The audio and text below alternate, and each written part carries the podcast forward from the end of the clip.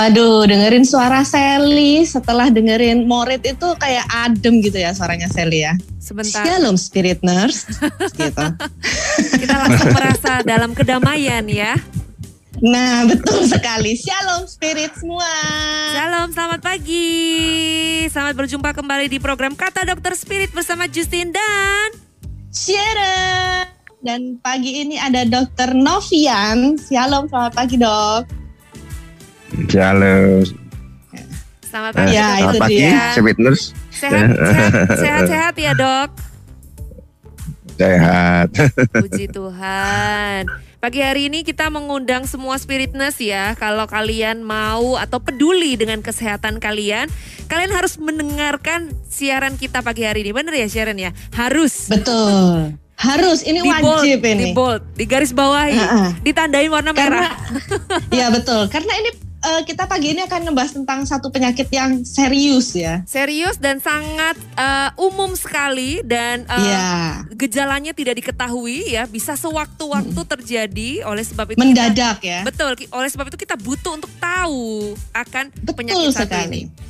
Betul, betul, betul. Be- eh, Jadi buat spirit nurse ya, kalian harus dengerin kados nanti sampai jam setengah sembilan. Yes, Eh, yes. Iya betul ya. Benar-benar, jam sampai jam sembilan. Aku kok tahu-tahu lupa ya. Kita cuma punya waktu satu jam ya Spiritness untuk kalian bisa bergabung Betul. dengan kita. Karena itu pergunakanlah se se se apa Sharon? Sebaik-baiknya. Oh iya. Sebaik-baiknya. Seoptimal mungkin. Dok hari Ya. ini kita akan berbicara tentang eh, stroke. Stroke. Iya. Iya. Mbak, Ngomongnya apa ini ya? Stroke. Jadi kali ini eh, stroke itu kan ada dua, ada yang infak, ada yang perdarahan. Nah kali ini kita bahas yang infak karena sebenarnya memang yang yang banyak yang infak, perdarahan tidak terlalu banyak. Iya benar. Saking banyaknya Hmm. mungkin waktu kita nggak akan cukup ini dok. Iya kelihatannya dok. Makanya kita hari ini dilarang anu bercanda loh Jus. Benar. Kita harus kita serius. dilarang bercanda ya. Oke dok, uh, Iya. setelah satu pujian begitu ini singkat aja dok. Setelah satu pujian ini nanti kita akan balik lagi. Jadi buat spiritnya semuanya tetap di spirit.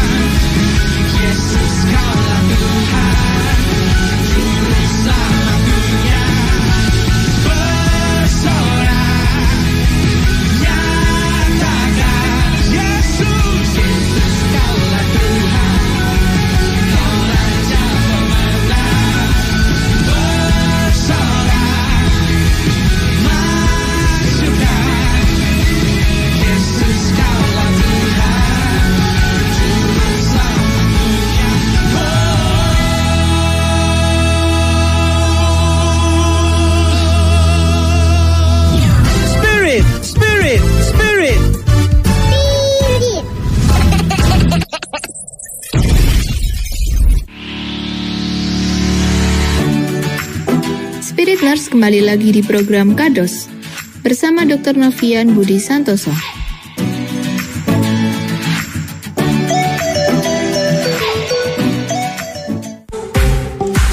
Bersama dengan Justin dan juga Sharon, kita juga ditemani oleh Dr. Yeah. Novian pada pagi hari ini buat spiritnya semuanya yang mau bergabung, kita langsung mengundang kalian untuk bisa bergabung bertanya. Karena topik kita sangat jelas sekali ya tentang stroke. Dan itu mungkin pada umumnya orang sudah ngerti ya, bener nggak dok? Orang sudah ngerti kan? Iya, jadi orang bilang orang bilang katanya darah tinggi dan apa ya. Jadi ini banyak ya lumpuh paru kan banyak ya. Dan memang nanti kita lihat di statistik ternyata memang sekarang stroke itu pembunuh pertama. Ya mungkin dikalahkan sama corona ini ya. Tapi sebenarnya Ah. untuk sementara ini statistik itu eh, kalau dulu stroke nomor tiga di bawah jantung sama kanker. Nah sekarang stroke sudah jadi nomor satu. Wah, itu dia. Iya. Berarti Naik ya dia ya. Iya berarti Naik spiritus pangkat. yang mau bergabung ya langsung kalian bisa bertanya tentang eh, stroke ini di 0822 1000 2005 dengan format wajibnya nama spasi umur spasi L atau P setelah itu baru kalian boleh tanya ya kan harus butuh nama harus butuh umur dan jenis kelamin kalian laki-laki atau perempuan ya L atau P disingkat aja terus habis itu kalian juga bisa eh, ngobrol langsung ya kalau mau mungkin panjang ya yang mau diceritain tuh panjang dan lebar mungkin ada apa rekam medik yang dulu-dulu mau dikasih Ya, tahu gitu Kasusnya udah bertahun-tahun Bener bener. gitu kan. Kalian harus gabungannya lewat. Zoom. Ya bener Sharon. Betul, Di mana itu? Kita di 221005 ya. Jangan lupa nanti username-nya nih Spirit Nurse juga diganti jadi namanya kalian ya supaya kita manggilnya enak gitu. Jadi bener jangan bener. Kalau kalian username-nya strip atau titik nanti kita bingung manggilnya. Hey Bener, strip bener. masa gitu ya kan? paling tidak paling tidak ada namanya lah kita bisa manggil Nah, ya kan. betul. Daripada kita manggil merek-merek handphone ya, Nah, ya, mending kita panggil nama ya. kalian ya karena kita nggak boleh Banyak- panggil nama handphone. Banyak tit, tit, tit, gitu ya. Dan uh, memang memang paling asik kalau mamanya kita berbicara dengan Dokter Novian ini karena Dokter Novian ini akan menjelaskan secara detail panjang dan lebar. Silakan dok, kita akan mulai untuk definisi Iya, atau iya. arti sebenarnya dari Iya. stroke itu apa sih? Ya coba kita share screen dulu ya. Share screen, Iya, boleh. share screen dulu ya. Kalau share screen gini paling enak itu lihat dari YouTube ya. Dari YouTube, dari Instagram kalian boleh uh, bertanya juga loh. Kalian boleh live chat dengan kita atau kalian bisa DM kita lewat Instagram ya. Dari situ nanti kita bisa bacain, kita buka, kita bacain pertanyaan-pertanyaan kalian semuanya. Silakan dok. Di Ya, Instagram ya, kita kita- live juga. Kita live Instagram. Ya ampun Sharon, zaman kapan? Siapa Ya. tahu hari ini khusus hari ini enggak live gitu. Iya. Ya silakan silakan dok. Iya dokter sampai nggak bisa Iya, iya. ngomong. ya dok. Nah, jadi stroke itu apa? Stroke adalah penyakit defisit neurologis. Nah, ini defisit neurologis itu apa saja? Macam-macam banyak. Sifatnya akut. Yang sebabnya ini karena vaskuler, karena pembuluh darah. Yang selalu biasanya selalu mendadak dan dapat menimbulkan kecacatan atau kematian. Jadi ini harus mendadak, mendadak lumpuh, mendadak tebel, mendadak apa. Jadi tidak tidak boleh yang pelan-pelan. Oh. Ya. Memang penyakitnya Ya, harus ini- ini- dadakan berarti ya. harus dadakan ya jadi tidak ada oh ya saya kok merasa stroke ya jadi saya minum obat dulu biar nggak jadi nggak bisa itu pasti pasti kena duluan baru baru rasa memang ada yang sembuh apa cepat ada ada yang tidak nah nanti kita bahas kenapa kok bisa sembuhnya cepat atau tidak Hmm. nah menurut WHO ini definisi adalah tanda klinis yang cepat berkembang akibat gangguan fungsi otak bisa bersifat vokal maupun global dengan gejala-gejala yang berlangsung selama 24 jam atau lebih dan dapat menyebabkan kematian atau tanpa penyebab lain kecuali hanya vaskuler. gitu ya. Hmm. Ini ini definisi aja ya. Tapi harus saya tahu semua. Nah, jadi kita lihat ya. Jadi yang eh, baris pertama ini adalah posisi penyebab kematian. Kalau di Indonesia sekarang sudah nomor satu ya, Brunei masih nomor empat, Malaysia masih nomor empat. Jadi kalau dulu memang kita nomor tiga, eh, stroke-nya nomor tiga, sekarang sudah jadi nomor satu. Jadi memang ini sekarang banyak ya. Tapi mungkin ya sekarang eh, apa dikalahkan sama corona, jadi corona lebih populer. Padahal sebenarnya stroke juga juga juga juga, juga banyak gitu loh. Cuma Hmm. cuma kok kita gara-gara banyak ribut corona terus, covid terus, jadi seolah-olah yang mat, bikin mati itu cuma corona ya tidak ya banyak salah satunya adalah stroke. Betul. ya. Paling tidak, eh, paling tidak kalau corona kan kita masih punya gejala-gejala yang eh, terasa ya dok ya. Tapi kalau stroke ini nggak Iya. pakai nggak pakai gejala, nggak pakai tanda-tanda, datangnya mendadak. Terus mendadak, mendadak, langsung ya, langsung ya. Nah, Seperti kedatangan jadi- Tuhan Yesus ya kayaknya. jadi Antara penyakit dan Tuhan Yesus disamain sama Sharon ya. jadi kita Karena lihat ya, jadi loh. stroke itu sebenarnya memang sampai sekarang kan penyebabnya nggak tahu, ya toh ya. Hmm, betul, yang kita betul. tahu adalah faktor risiko. Jadi kalau penyebab yang pasti itu tidak tahu. Tapi yang kita tahu adalah faktor risiko. Ada yang bisa diubah, ada yang tidak bisa diubah. Ini kita bahas yang atas saja karena kita akan hari ini topiknya tentang ischemic stroke ischemic. Yang bawah nanti perdarahan tadi ya kapan-kapan ya. Jadi Hmm, ada yang ya, bisa di- tidak tidak bisa diubah. Contohnya apa? Umur. Ya makin tua ya makin banyak dong ya Hmm. seks Mm-mm. laki lebih banyak race eh, ras ya jadi eh, kalau misalnya orang Asia itu pembuluh darah kecil tapi kalau orang Kaukasian orang Eropa itu pembuluh darah besar jadi memang sifat stroke-nya di orang Eropa Hmm. dan sifat stroke-nya di orang Asia itu berbeda Hmm. nah Oke. jadi jadi lain pengobatannya juga lain jadi makanya kadang-kadang tindakan stroke yang di Eropa jangan dipaksakan ke sini karena di sini orangnya berbeda gitu ya.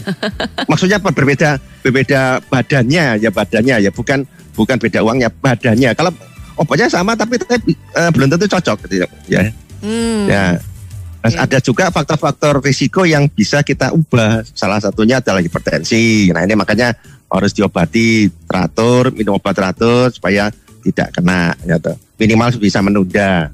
Nah yang ini merokok ini nah ini yang repot ini kalau jadi memang merokok ini selera pemberani ya berani kena stroke jantung kanker ya. jadi tolong ini Iya, di padahal sudah stop ada di ya bungkusnya udah ada tulisannya ya dok ya, tapi mereka iya Bahkan tetap, ba- mau merokok. bahkan yang lucunya itu kalau dibungkusnya itu kan rokok membunuhmu gitu kan. Iya. Tapi ya tentunya orang ya tetap aja. ya tunggu saja tunggu waktunya ya. Jangan nanti kalau umur 40 50 nah itu baru terasa. Kalau sekarang sih memang belum ya. Ada lagi juga kegemukan. Jadi ini uh, perut Hmm. waist to hip ratio. Jadi perut dengan eh, apa pinggul ya itu ada jadi makin belum apa perutnya makin besar itu nah, risiko stroke-nya juga makin besar. Yang ada repot juga makin hitungannya nggak ini dok? ada, ada. Yang Nanti perut kita tadi. kita perdalam perdalam lagi. Jadi Oh. artinya perbandingannya berapa nanti ada nanti satu persatu. Kita, ya, ini kita nggak bahas di sini karena kalau bahas ini terlalu Panjang, panjang. ah, ah, benar-benar habis waktu kita ya. Paling nggak kan Iya. maksudnya eh, kita tahu gitu loh, kira-kira kita ini termasuk resiko atau enggak gitu loh maksudnya. Nah, nanti kita nanti ada jawabannya lagi nanti kita cari lagi ya. Sementara ini ini kita bahas yang umum dulu. Tapi memang dok. makin gemuk makin risiko tinggi. Nah, yang Hmm. selain risiko tinggi itu juga nanti nolongin juga repot. Kenapa? Lah gotongnya Hmm. abot. Kalau kalau kalau langsing kan, kan ringan. Jadi iya, selain iya, juga iya, risiko Dok. tinggi itu tapi juga nanti nolongnya juga susah gitu ya. Alah, Mm, mm, mm. faktor lain lagi adalah diet. Nah, ini diet. Jadi kalau makan banyak sayur berarti stroke-nya lebih sedikit. Tapi kalau makannya junk food segala macam, wah itu risiko tinggi. Oh diet maksudnya makanan yang masuk ya Makanan ya? yang kita masuk, iya yang kita makan. Oh, oke, Jadi oke. misalnya banyak lemaknya, ya jangan kaget kalau misalnya kalau kalau mudah kena stroke ya. Kirain saya kaget dok ngelihat diet tadi itu kirain orang-orang yang diet itu termasuk bisa resiko kena stroke loh. Jadi kan bingung saya. Ternyata maksudnya makanan yang masuk ke mulut ke Iya, kita karena- gitu ya, ke tubuh kita. makanan menurut kita itu itu eh, kalau eh, makin banyak minyaknya, makin banyak, lah itu risiko Hmm. tinggi. Betul, betul, Hmm. betul.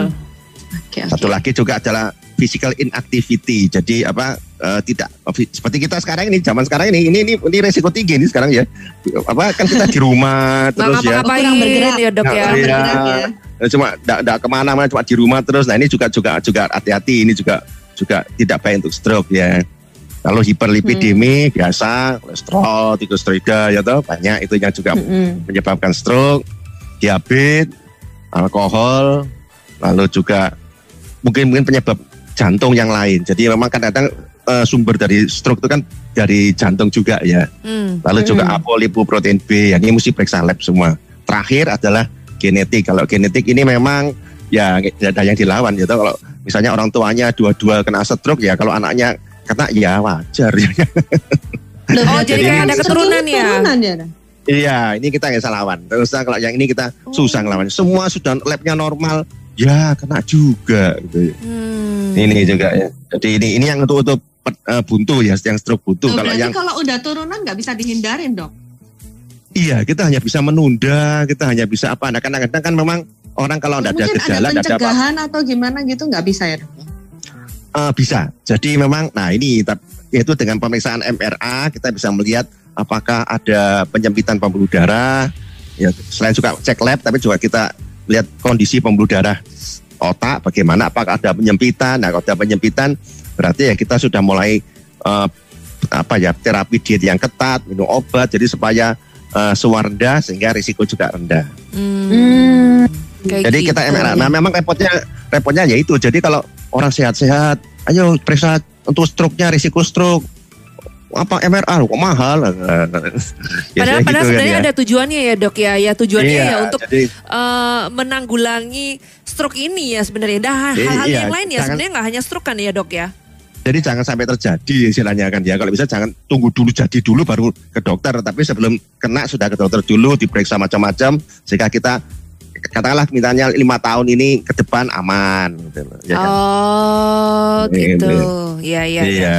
Terus kalau untuk Jadi- stroke-nya sendiri nih dok ya, ini sebenarnya awal mulanya kita bisa ah, sebentar ini ada yang gabungan tapi ini ya, nggak apa-apa dok Iya, dilanjutin iya, iya. dulu dok. Iya ya. Nah, kita sharing lagi. Sharing lagi. Ya. Nah, sekarang kita lihat pembagian dari stroke ya. Tadi kan kita sudah bahas ya.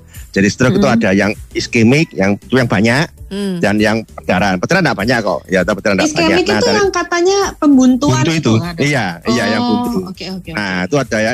Yang banyak adalah ini aterosklerotik ini nanti kita akan bahas. Selain Mhm. juga ada yang lain-lainnya, tapi tapi yang yang banyak nanti ke sini, ke trombosis di sini. Trombosis di sini. Nah, ini yang yang yang biasanya di situ kebanyakan, tapi juga ada yang tentu yang stroke yang lain. Makanya Trombosis itu di mana itu dok? Trombosis itu? Nah, nanti, nanti nanti nanti kita bahas ya. Ini ini Mas, ini ini kan secara umum ya, secara umum nanti oh iya iya, kita bahas dok. satu persatu ya. Jadi ini, jadi yang banyak adalah pada buntu, makanya karena itu kita kali ini top bicara tentang yang buntu. Hmm. Nah, oke ya. Sekarang kita lanjut. Nah, bagaimana ceritanya? Dasarnya adalah proses aterosklerosis. Ya kan, prinsipnya adalah aterosklerosis. Nah, sebenarnya kalau kita lihat dari first decade, jadi artinya dekade pertama kita hidup sudah mulai muncul. Nah, ini sudah mulai ada namanya fatty streak. Jadi sudah mulai sedikit penebalan. Hmm. Ini umur Hmm. belasan tahun, first ah, baru lahir saya belasan tahun di sini. Nah, pa- Tunggu pada bentar umur dok, kira-kira kita harus Hmm? kita harus menggambarkan ini. Ayo Jus, gambarin Iya. dulu Jus. Gimana nih supaya orang supaya spirit Ini kelihatan. yang nggak buka Ya. itu, Ah, kelihatannya bisa sebentar. ngebayangin gitu. Saya membayangkan aja itu bingung. Apalagi saya mendengar eh, bahasa-bahasa medisnya itu langsung ke eh, rasanya Ini- otak saya langsung berputar-putar. Ini Iya. kayak Iya, kayak jadi- gambar pembuluh darah ini ya. Iya, ah, nah ini sesuai Oh, dengan jadi umurnya. kayak Jadi pipa gitu. ah, ah, kita lihat ini pembuluh darah terjadi penyempitannya. Dimulai kapan? Sebenarnya dimulai sudah muda, belasan tahun ini sudah mulai Hmm. muncul. Cuma namanya dalam bentuk fetistik hanya Jadi ini hanya ini ya tipis tipis gitu kan kayak ya. dinding pembuluh darahnya itu Iya, kayak dinding ada pembuluh darahnya lapisannya itu. lagi. Iya, Nah, jadi normalnya itu yang fat itu ya dok ya ini ya tulisannya. Iya. Oke.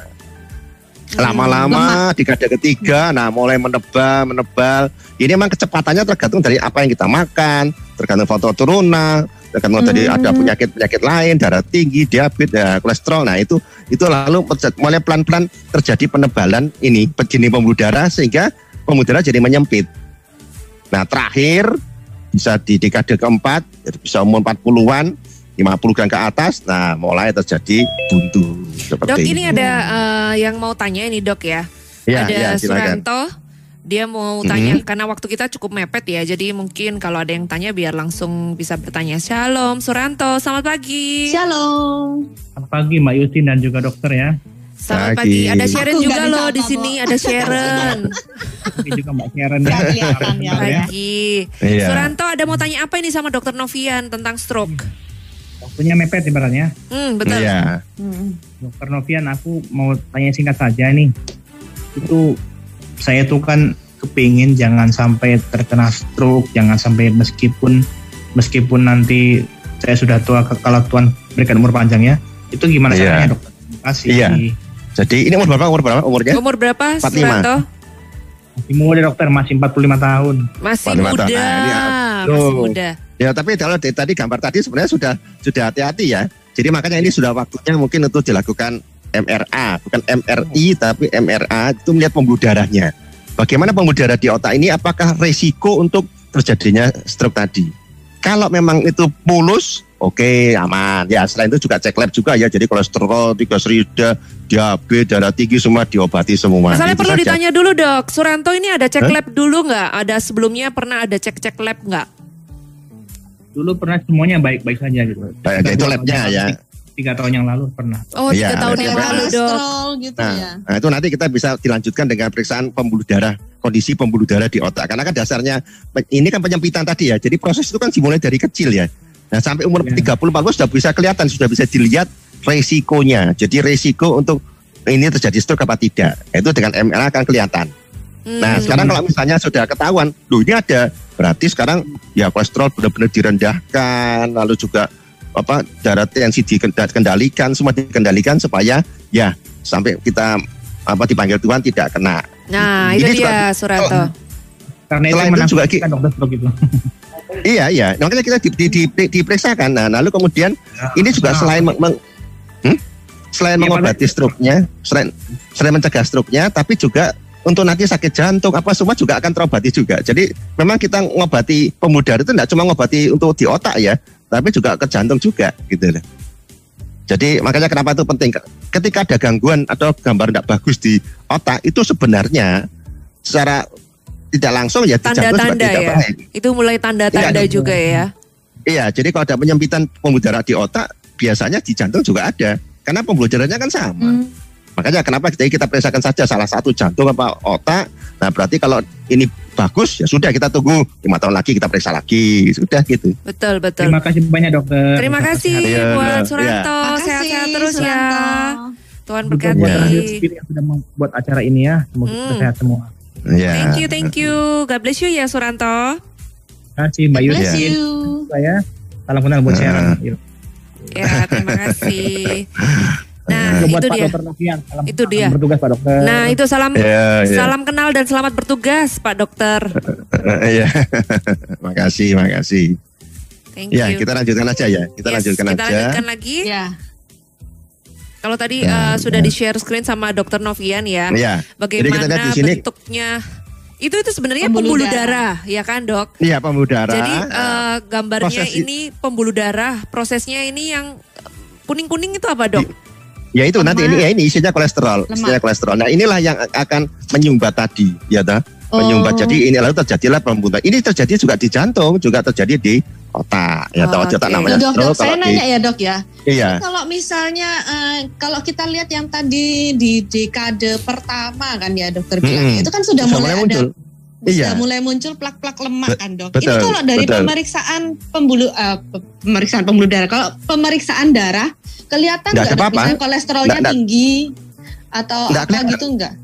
Belum tentu Oh jadi kelihatan. meskipun Belum ada plaknya kolesterolnya Iya. tetap normal-normal aja bisa gitu ya dok? bisa, bisa. Makanya ini, makanya kenapa kan Hmm. semua labnya normal, lalu kok tetap kena juga ya? Karena kita nggak tahu. Makanya kita harus melihat totalannya. Ini kan totalannya, artinya dari kita kecil ya, Teh, ya. Dari kita kecil sampai sekarang. Dan cara melihatnya ya Mm-mm. dengan menggambarkan vaskulernya, melihat menggambarkan pembuluh darahnya, gitu.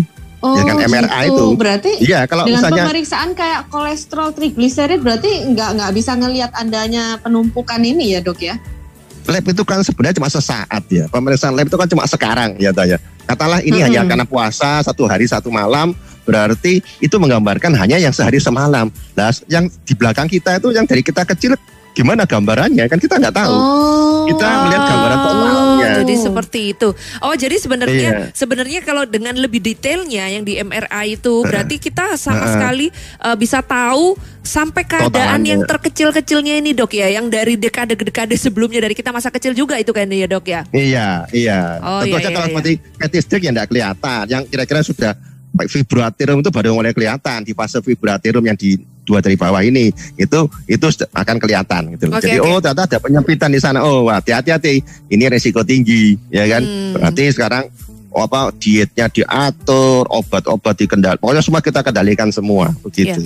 Nah, eh, penting Supaya sekali ya spiritness ya sebenarnya untuk kita mengetahui eh, apa sih yang harus kita kendalikan, apa yang harus kita lakukan, gejala-gejala seperti apa yang bisa timbul ya kan, mempengaruhi Iya. untuk kita bisa terkena stroke. Nah, ini harus kita hindari. Nanti kita akan balik lagi setelah satu pujian berikut ini, jadi tetap di spirit.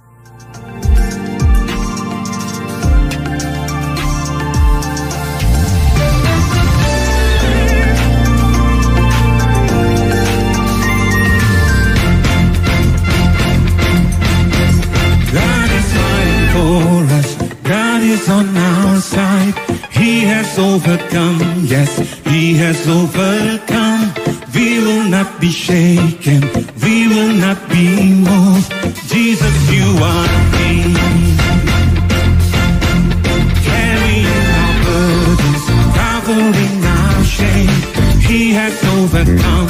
Yes, He has overcome. We will not be shaken. Jesus, you are here.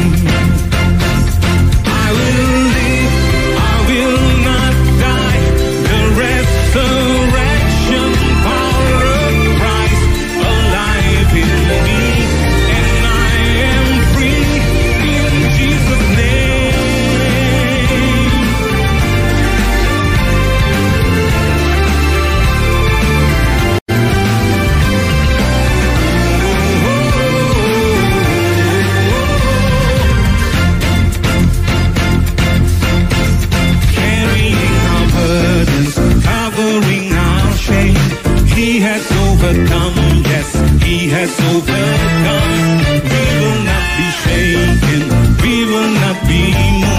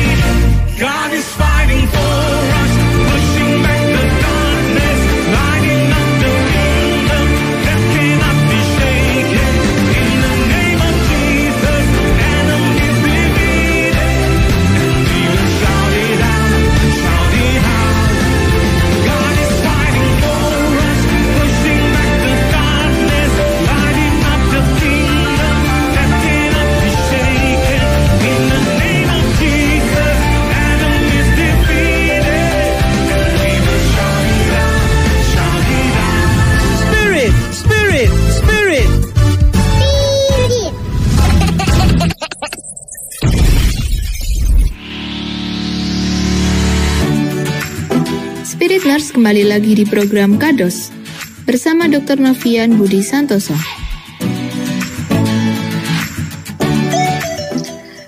Ya, Spirit Nurse masih di Kados bareng bareng sama Dr. Novian, sama Justin, sama Sharon. Dan Yes. topik yang kita bahas tentang tentang stroke nih ya, Spirit Hmm, Nurse ya. waktu Dan kita seru banget, banget. ya kita ngebahas. Kita Oh, ya, membahasnya jadi aku- sampai kita lupa waktu ya. Kalau gitu aku langsung tanya aja ya. Iya, nanya yang Iya. paling penting aja langsung. Jadi dok, kalau kita ngomongin tentang stroke kan hampir semua orang itu kayaknya yang kita temuin itu pernah kena stroke lah, yang tua-tua Iya. itu kan dok ya. Iya. Yang tua-tua kasihan ya. Kadang ada yang muda juga loh, masih muda juga bisa kena stroke Iya, iya. loh. Iya. Iya dan apa namanya hasilnya mereka tuh kayak sebetulnya ya dok yang mau saya tanya itu apa stroke ini bisa sembuh atau enggak sih? Kenapa kok Iya. dari pasien-pasien yang kena stroke itu ada yang eh, membaik, ada yang kembali normal, Iya, bisa beda-beda yang- ya. Iya.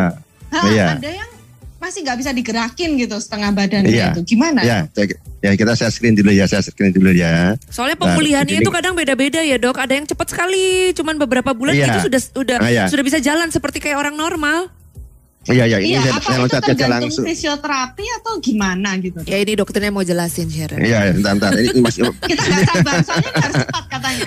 iya, iya. Langsung dikejar-kejar dokternya. Iya. Jadi gini, kenapa eh, kita harus harus mengobati stroke dengan cepat karena ini sifat dari pembuluh darah otak itu itu sifatnya end artery. Artinya satu area itu hanya disuplai oleh satu arteri. Ini Oh. teorinya begitu. Jadi kalau satu buntu ya langsung buntu KB ya gitu ya. Jadi kita seperti yang nomor B ini kan Gini, gini. kan kita lihat di sini langsung buntu semua. Jadi sini maka terjadi kematian sel di sini ya kan. Ini memang teorinya begitu. Tapi ternyata sekarang teorinya berubah Wow. ya. Karena kita tahu bahwa sebenarnya kematian sel itu kan hanya sel otak itu kan 4 menit tidak ada aliran darah, nggak ada oksigen, mereka mati. Iya, gitu ya. betul, betul, Karena betul. otak karena otak ini kan tidak punya cadangan oksigen maupun juga energi. Jadi Hmm. jadi kita lihat di sini, jadi kenapa cepat? Karena otak itu tidak mampu menyimpan glukosa dan tidak dapat melakukan metabolisme anaerob. Artinya ketika tidak ada oksigen, maka dia tidak punya energi lagi. Lalu Hmm. matilah itu sel saraf itu. Empat menit sudah cukup kok, sudah mati kok. Nah, sekarang pertanyaannya, eh, loh kok ada yang baik, ada yang jelek. Gambar Hmm. MRI-nya sama.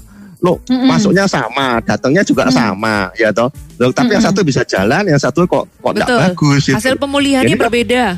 Iya, padahal sudah dengan macam-macam. Mungkin dengan yang kateterisasi yang pakai yang mahal-mahal itu, yang pokoknya yang pokoknya Hmm. eh, habisnya di atas 100 juta itu. Loh, kenapa Iya. kok, kok tetap hasilnya ya lumpuh tetap sa- sama saja ya toh ya. Hmm. Jadi begini. Iya. Nah, ini kita loncat aja langsung. Jadi ini ada teori namanya teori kolateral. Jadi kita tahu bahwa sebenarnya eh, otak itu tidak semuanya end artery, artinya tidak cuma dari satu kok, tapi bisa dari dua pembuluh darah yang berbeda. Jadi misalnya yang yang sebelah kiri ini pembuluh darah yang A, ini pembuluh darah. Hmm. Ketika yang A ini buntu, maka yang Mm-mm. B ini akan otomatis memberikan suplai makanan maupun oksigen. Oh. Oh, Nah, gitu. Jadi ada cadangan ya Nah, pembuluh jadi darahnya ya. nah, ya? Kalau memang kolateral ini bagus, di backup ya. Ya, betul, betul. Nah, kalau kolateral ini bagus, maka eh, otak sel-sel otaknya banyak yang survive. Nah, karena banyak survive kecacatan jadi sedikit. Tapi bila Hmm. memang kolateralnya juga sama-sama jeleknya, ya, ya, ya mohon maaf, Hmm. misalnya memang diabetes, kolesterol segala macam. Lah, yang Hmm. ini buntu, yang kolateral juga bu- ya setengah buntu Sebentar juga. dok, Eh, Justin perlu Iya. pemahaman. Kolateral itu Iya. apa ya dok? Ya, d- eh, jadi artinya suplai dari pembuluh darah lain, dari dari tempat lain. Ah. Contohnya gini sekarang, kita kalau hidup, kita ada dari gaji, kita ada dari bunga deposito, kita ada dari mungkin pekerjaan yang lain atau Oh, terus kalau yang lain-lainnya ternyata sudah buruk, jadi kalau ini juga Iya. terkena dampak, akhirnya kita buruk. nggak bisa Iya. apa-apain juga gitu ya. Nah, bisa iya seperti itu gitu loh. Oke, jadi oke, oke. supla- jadi Loh otak juga ini apa semua orang punya atau gimana dok? sebenarnya semua orang punya, tinggal masalahnya kondisinya baik apa tidak. Nah itu kita tidak tahu. Dan ternyata ya eh, kalau kolateralnya jelek, walaupun pakai kateterisasi di, di macam-macam yang makanya habisnya 100 juta lebih itu, ya tetap jelek. Gitu loh. Jadi, Loh, efek jadi yang bisa membuat kolateralnya jadi jelek ini apa dok? Ya, jadi Itu ya, kembali ke, tadi. ke, ke tadi, kembali ke tadi. Jadi kan diabetes, Oh, darah gitu. tinggi, Ya, kolesterol dan segala macam. Ya berarti kita Ya, kalau tadi. kalau kita tetap punya diabetes, kita tetap punya kolesterol, kita punya Hmm, darah iya. tinggi ya. Dalam tanda kutip Iya. berarti sudah pasti kolateralnya itu jelek gitu ya dok ya. Jadi Iya, itu kita resiko untuk resiko untuk stroke ini lebih parah daripada yang mereka yang mungkin nggak punya diabetes, nggak punya kolesterol, nggak Iya. punya darah tinggi gitu ya Iya. dok ya. Iya, Oke jadi oke oke. jadi yang penolong pertama ini bukan bukan obat-obatan, tapi sebenarnya kolateral. Kenapa? Ya sel saraf kan sebenarnya 4 menit kan sudah mati, Hmm. iya kan ya. Jadi yang Loh, istilah kalau sel tiga saraf itu kalau udah mati dia nggak bisa bangkit lagi gitu dok. Seperti Lazarus ya. Nggak Eh, bisa nggak- nggak bangun bisa. gitu Nggak- bisa, nggak bisa Baik. sekali Atau diperbaiki rusak. mungkin dok, diperbaiki ada obat-obatan tertentu atau cara Soalnya kan terapi kalau- gitu dok. Kalau kayak sementara ini belum gitu kan diketahui ya. Jadi memang Oh. teorinya bahwa sel otak itu memang eh, pulihnya lama. Artinya eh, ketika sudah mati maka nanti kan digantikan memang. Tapi memang eh, perkembangbiakan dari sel-sel saraf itu kan lambat ya. Hmm. Jadi tidak Hmm. segampang yang kita bayangkan. Yang bisa kita kerjakan adalah sel saraf yang masih hidup itu yang menggantikan yang lama. Tapi kalau menunggu sel saraf baru, wah itu lama Hmm. sekali. Tapi Walaupun tapi memang sel- bisa ya untuk menunggu sel saraf baru itu memang bisa muncul lagi sel saraf saraf baru dok. Iya, tapi tidak segampang yang kita bayangkan. Bahkan dengan stem cell pun sebenarnya juga nggak terlalu bagus juga kok. Karena bed- ini berbeda dengan sel otot ya. Kalau sel otot Hmm. misalnya ya hanya bergeraknya naik naik sudah. Sel otak ini belajar, belajar dari kita yang Oh. kecil. Ya? Hmm. Kita memang bisa dengan stem cell kita buat sel saraf baru. Tapi Hmm. ini sel saraf goblok. Kan dia belum belajar. dia kan belum belajar, dia harus belajar dulu ya toh ya. kita- Keterampilannya kita segala coba- macam. Jadi Betul, utus guru ke sana ya untuk mengajar. eh, eh, nah ya itu. Tergantung Jadi doamu artinya juga berarti Jus. Tuhan Jadi kasih itu. aku sel saraf yang pinter gitu ya. Oh iya benar-benar Iya, ya, iya. ngomongnya harus minta sel saraf yang pintar ya. Iya, jadi karena itu tidak tidak seperti segampang biasanya yang sel jadi otot apa itu kan cuma kita kasih stem cell dia tumbuhnya jadi Hmm. besar lalu ya itu karena dia cuma kerjanya cuma narik-narik tok selesai. Tapi kalau sel saraf tidak bisa. Dia itu Iya, kan ada iya. koneksi koneksi dengan sel saraf yang lainnya dengan segala macamnya. Jadi tidak seperti segampang itu gitu loh. Hmm, oke oke. Memang betul ada teori sel saraf bisa tumbuh betul, tapi seberapa banyak gitu loh. Jadi yang kita bisa kerjakan hanyalah mengharapkan sel-sel saraf lain yang masih hidup atau yang masih setengah mati itu kita selamatkan supaya eh, dia bisa menggantikan sel saraf yang sudah mati gitu. Hmm. Oke Seperti oke. itu ya. Dok, Nah, itu, tadi iya. dokter kan sempat bilang kan dok, kalau penanganan Mm-mm. apa stroke ini harus cepat gitu kan dok. Iya. Nah kira-kira dok kalau misalnya kejadian di rumah ini, mungkin Iya. siapa tahu ada spirit nurse atau keluarga kita gitu kan yang kejadian di rumah Iya. ada nggak dok kayak first aid kayak apa pertolongan Penanganan pertama, gitu, pertama, dok, di iya, betul, Ya, betul. Ya, pertama di tetap penanganan pertama ya kita diagnosa dulu ya. Jadi ini buntu atau perdarahan. Jadi memang harus bawa rumah sakit di CT scan atau MRI baru kita tahu ya. Kalau kalau apa cuma lihat begitu kita nggak tahu karena memang Oh. antara perdarahan dan buntu itu eh, susah sekali untuk membedakan kalau tidak pakai alat gitu loh. Tapi berapa Jadi lama? ini kelemahannya. Gini gini dok, yang justru juga mau tanyain gini. Kalau dari ini kita harus cepet-cepet nih soalnya. Dok, ya, Iya. nah, kalau dari pertama kali mamanya kita eh, kita tahu ya mungkin ada orang yang kena stroke gitu kan. Terus Iya. berapa lama kita bisa eh, cepat penanganannya sehingga Ya, tidak terjadi hal secepat- yang buruk? Ya secepatnya, secepatnya untuk di, di, dijebol ya buntunya itu ya. Kalau memang itu buntu ya dijebol. Tapi kan memang terus terang kan mesti diperiksa dulu, lalu juga mesti dibawa ke rumah sakit dulu ya toh ya. Tidak semudah itu. Kadang itu kan ada yang broadcastan itu loh dok. Dia bilang gini, Ya. kalau misalnya kita kerasa udah kayak eh, melemah sebelah bagian Iya. apa sebelah tubuh kita ya kan, mungkin Iya. udah melewat gitu. Katanya suruh gerak-gerakin atau gimana ya? Bagaimana Eh, mau apa, gerak-gerakin? Mau jangan ada kuat kalau udah ada tenaga, kok mau digerakin apanya? Ya, gitu loh. keluarganya, keluarganya suruh kayak angkat-angkat tangan gitu. Sebenarnya tidak ada Dok? gunanya. Lalu juga sekarang ada. misalnya ditusuk-tusuk ujung jari misalnya ya. Oh iya iya kan ada benar yang benar benar. Benar tusuk benar. ujung jari itu ya. Ditusuk-tusuk atau Itu kalau- dipukul-pukul itu loh dok. Tek tek tek tek Iya, Iya. gitu loh.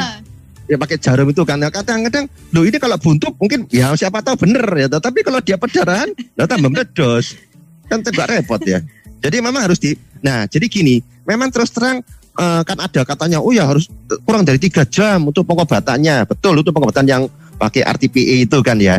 Ya itu adalah sebenarnya untuk pengobatan karena kalau lewat dari tiga setengah eh, tiga jam sampai empat setengah jam maka kalau dikasih RTPE maka ada risiko perdarahan. Jadi malah jadi komplikasi. Oh. karena itu kenapa kita harus Hmm. cepat karena pengobatannya tapi mengenai kematian selnya sebenarnya ke- menit keempat itu sudah mati selnya sebenarnya Oh, gitu makanya ya, pertolongan ya. pertama yang paling cepat itu bukan obat-obatan tapi ya kolateral ini Ya mau nggak mau ya. dari- Balik lagi kita harus dari- me- menjaga eh, gaya hidup ya, gaya hidup, pola Iya. makan, apa Pola yang makan, masuk ya kan. Oh ya yang tadi ya. Iya, Iya, betul, itu yang kita betul. bisa kerjakan. Makanya kenapa ada yang eh, sama-sama masuk, yang satunya kok cepat pulih, yang satunya kok tidak mari-mari, ada ada, ada Hmm. bedanya begitu ya. Karena yang di sini sudah mati dan tidak ada kolateral. Lah kalau tidak ada kolateral, bagaimana mensuk sisa-sisa selnya itu yang yang si- masih setengah mati pun ikut mati juga nanti malah gitu kan ya. Iya betul. Kira-kira dipikir orang-orang dipukul-pukul itu selnya biar nggak mati gitu kali ya. Tapi Misalnya jadi otak hidup lagi, tangan. hidup lagi. Misalnya kan di tangan, eh, di otak bukan di tangan gitu kan Oh ya. berarti otaknya Jadi yang mesti dipukul-pukul Sherna. ya jangan. tetangga ini Tapi ya. itulah jadi makanya itu yang membedakan. Jadi eh, nah, dan memang repotnya ini kita tidak pernah tahu bagaimana kondisinya. Makanya kenapa ketika kita menggunakan terapi yang mahal-mahal pun ya hasilnya memang jujur karena itu pasti lewat lewat satu jam dua jam ya jujur aja itu kan sudah banyak sel yang mati juga. Nah tapi memang pengurangan sel saraf yang mati itu karena kolateral. Nah kita bantu Hmm. dengan obat, tapi setelah satu jam dua jam kemudian ya kan. Nah dok, Iya. dok, biasanya itu kan kalau orang stroke itu dia kayak disarankan untuk fisioterapi gitu dok. Itu Ya. berguna nggak sih sebetulnya dok? Nah itu untuk, untuk tadi, jadi sel-sel yang yang masih setengah mati kita selamatkan, kemudian sel-sel yang setengah mati itulah yang kita mengharapkan bisa menggantikan sel-sel itu ya. Cara menggantikannya dengan fisioterapi. Oh, Oke, Cara oke, oke. melatih, oke, oke. melatih sel-sel saraf itu yang yang sebelah sebelahnya yang masih hidup itu dengan fisioterapi itu. Betul betul sekali. Itu fisioterapi memang penting untuk supaya uh, saraf-sarafnya itu bisa Menyelamatkan. bangun kembali sih. Iya, menyelamatkan. bukan, Disetrum, ya, disetrum. ya, tetap mati. Oh tetap mati Mati ya. Tetap mati. teler-teler Tapi gitu ya, yang yang yang yang masih hidup ini menggantikan yang mati gitu loh. Nah, cara Oh. menggantikannya dengan fisioterapi itu latihan itu. Oh gitu ceritanya. Jadi eh, Iya. oh, Justin pikir kalau disetrum-setrum dia bisa bangun lagi. Ya, Kayak biasanya, biasanya kalau orang kan yang sudah tit disetrum ceder ceder dia bangun lagi dong. Oh, sama kayak otak gitu ya. Enggak, enggak bisa, enggak Nggak bisa, enggak Nggak seperti bisa. itu. Oh iya bisa. oke oke. Bayangin bisa. tambah hancur ya. Satu pujian Iya. berikut ini kita akan balik lagi ya Eh, karena waktunya mepet sekali ya kemungkinan nanti kita akan masuk setelah em, kita mau break dulu nanti kesimpulan dari dokter Novian sebentar lagi.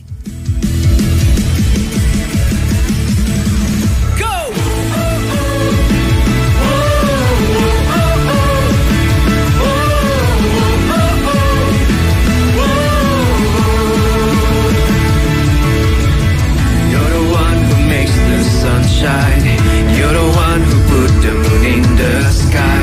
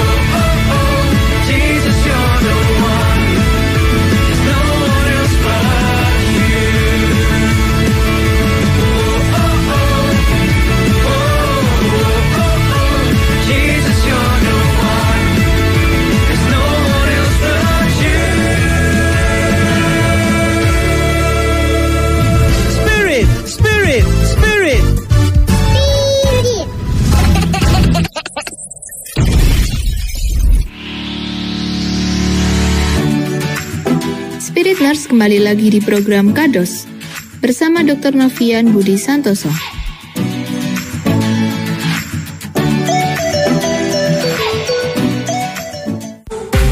Yes, dengan waktu yang sangat-sangat mepet sekali.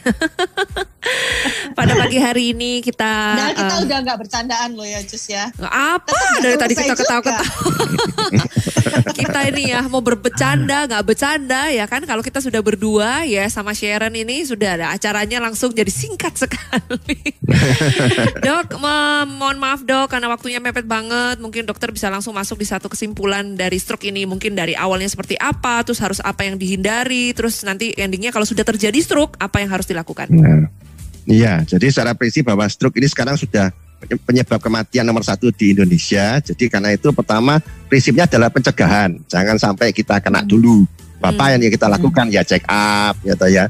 Kalau ada uang, kalau bisa periksa otaknya, MRI, MRA otak untuk melihat risiko stroke-nya. Jadi walaupun belum masih sehat pun belum kena, tetap sudah sebaiknya diperiksakan. Umur 40-an itu sudah mulai karena kita lihat tadi di gambar tadi sebenarnya dekade keempat pun sebenarnya sudah hati-hati sudah tanda-tanda ya toh ya. Itu prinsip pertama, pencegahan dulu gaya hidup ya toh ya. Itu saya ada pasien kan eh, dia hamba Tuhan, dia kena stroke. Dia bilang, "Saya ini sudah berusaha makan se- sederhana, kok tetap kena." Jadi sebenarnya penyempitan pe- penyempitan pembuluh darah itu itu sama dengan dosa. Maksudnya itu totalan. Jadi kita kecil. Makanya kita butuh penebus karena kita memang sekarang merasa baik. Nah dulu-dulu biar dosanya piro kan nggak dihitung. Ini sama. Jadi penyempitan itu karena waktu kita masih kecil dulu itu adalah totalan sekarang hasilnya ya. Jadi Karena prinsip kalau- dalam karena mencegah. waktu kalau kecil kan Karena biasanya kedatangan Tuhan kan. nah, nanti tahu-tahu Tuhan datang totalan gitu kan. Tapi Nah, masalah ya gini, totalan. waktu kecil kan kadang ya dok ya, kita kan berpikir kan karena masih kecil, maka biasanya kayak Iya. yang kayak lemak-lemak gitu. Oh nggak apa-apa, memang kamu butuh untuk lemak-lemak itu ya, untuk supaya kamu Iya. bertumbuh. Ya. Padahal sebenarnya itu Nggak, totalan ya. Totalan, kadang orang dari suka kecil. Kan, gendut, anak kecil gendut gitu kan. Iya, jadi tapi, Gendutin tapi mama masalah.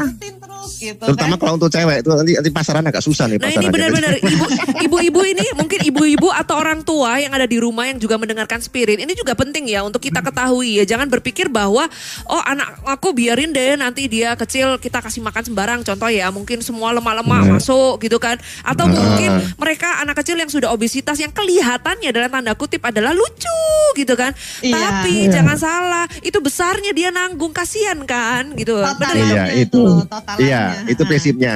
Nah lalu kemudian lalu pengenalan mengenai stroke ini. Jadi artinya ketika ada keluarga yang misalnya lumpuh itu harus dikenali, oh ini stroke nih cepat bawa rumah sakit. Jadi pas jangan musyawarah dulu, berunding dulu, tanya tonggo-tonggo dulu. Wah nanti ini waktunya terlambat. Jadi karena memang waktu untuk pengobatan makin cepat makin baik. Ada yang mengatakan batasnya tiga jam, ada yang empat setengah jam. Sebenarnya itu adalah batas terapi. Kematian sel itu sebenarnya Empat empat menit menit, ya. sudah mati, sudah mati. Nah penolongan pertama sebenarnya kita adalah kolateral. Itu yang paling utama. Karena segera langsung menolong sel saraf yang, ker- yang buntu tadi, langsung sebelahnya langsung mengcover. Sekali lagi ya. dok mungkin dijelaskan kolateral itu apa dok supaya spiritnya bisa Jadi kolateral jelas. itu adalah suplai darah suplai darah dari tempat lain, jadi pembuluh darah lain. Jadi kalau pembuluh darah yang yang A ini misalnya dia eh, tersumbat, maka yang di B masih bisa mensuplai begitu. Dan ini memang perlu darah yang baik. Artinya ya tadi tidak ada kolesterol, tidak ada apa eh, faktor-faktor risiko semua itu tolong eh, diperbaiki. Jadi supaya kalau toh kena pulihnya cepat dan mungkin juga cacatnya jadi ringan gitu ya. Itu prinsip Dok, kalau olahraga itu bisa nggak dok? Eh, anu Se- mencegah stroke. sebenarnya memang kalau mau jujur eh, eh, gini ya. Jadi kalau hanya sekedar fun silakan, Mm-mm. tapi jangan dipaksa karena saya banyak sekali banyak menerima pasien yang gara-gara over exercise ya. Over jadi Oh. latihan yang terlalu berlebihan malah jadi masalah kedua. Bahkan Hmm. ada pelak dulu waktu saya masih di rumah sakit itu kan ada Hmm. pelawak pelawak dari Jakarta kebetulan syuting di Surabaya dia kena stroke gitu. Mm-mm.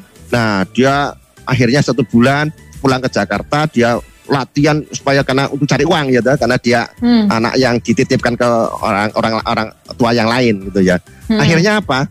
Malah serangan jantung. Jadi karena dia pengen sembuh, dia latihan yang sekuat. Ini orangnya gemuk banget ini. Orangnya sangat gemuk sekali. Itu Hmm. kadang-kadang kan kita lihat zaman dulu waktu lihat di RCTI ada orang-orang gemuk lalu makan hamburger apa sambil ketawa-ketawa. Ini ini bukan ketawa, ini ini mati.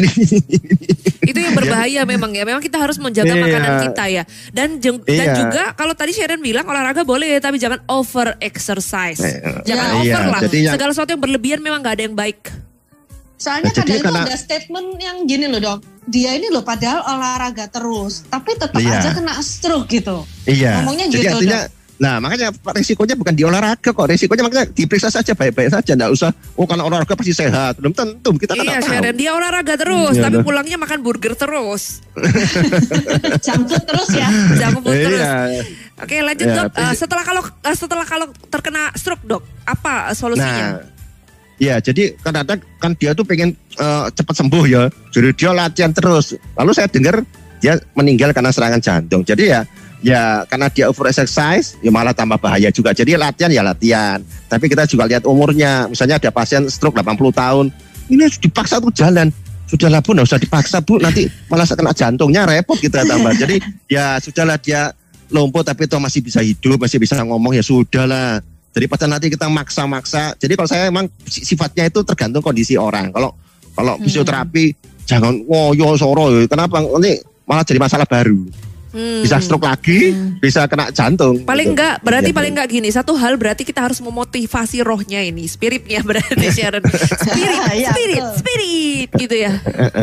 Iya, jadi supaya itu enggak supaya enggak malas untuk olahraga ya, tapi tidak merasa tertekan atau terpaksa atau over exercise juga. Iya, karena juga ternyata juga berbahaya. Dan saya banyak pasien begitu banyak. Jadi sakitnya dia sebenarnya orang sehat baik-baik saja, ya tapi karena over exercise malah jadi masalah gitu ya. Nah, itu Ya, itu itu saja itu, prinsipnya. Itu itu penting banget ya sebenarnya untuk semua spiritness ketahui ya. Atau mungkin kalian merasa bahwa waduh satu jam bang satu jam ini nggak kerasa banget ya, nggak ngerti apa-apa. iya nih. bahaya kalau sampai nggak ngerti apa-apa ini bahaya gitu kan. Nah, Banyak kalian mungkin ini yang udah diomong. Bener kalian mungkin bisa langsung konsultasi aja ya dengan dokter Novian ya. Kalian bisa langsung uh, calling dokter Novian atau kalian uh, appointment dulu ya janjian dengan dokter Novian di 081 550 77342. Sekali lagi 081 550 77342 Kalian bisa janjian Kalian bisa tanya dulu. Dok saya mau konsultasi ini dok Mau tanya-tanya lagi. Nah langsung aja di 081 550 77342 Atau datang langsung ya dok Di kliniknya ya Di Sumatera Ya, ya. 122 Surabaya. Di Jalan Sumatera nomor 122 Surabaya Jam 8 sampai jam 10 pagi Atau jam 6 sampai jam 8 malam itu jam Ya. prakteknya dokter Novian. Senin sampai Sabtu kalian boleh uh, by appointment dulu ya, janjian dulu dengan dokter Novian. Terima kasih buat dokter Novian yang sudah menemani kita selama satu jam Thank ya. you dok. Waktu yang sangat singkat Ya. tapi dokter ternyata dengan luar biasa bisa menjelaskan dengan detail segala sesuatunya dan uh, memberkati setiap daripada kita juga semua spiritness. Thank you juga buat Betul. spiritness tadi yang sudah bergabung ada Suranto dan juga beberapa spiritness yang melihat kita secara YouTube maupun uh, live Instagram ya. Kita memperhatikan kalian kok ya. Walaupun kalian tidak tampak di sini kita melihat ada yang nonton ya. Mata kita memandang. Terima kasih buat semuanya. Terima kasih buat Sharon dan juga Andro yang sudah mengoperatorin kita. You. Akhir kata buat spirit semuanya keep the spirit, keep the fire and God bless you. Tuhan Yesus memberkati. God bless you. Dadah bye bye.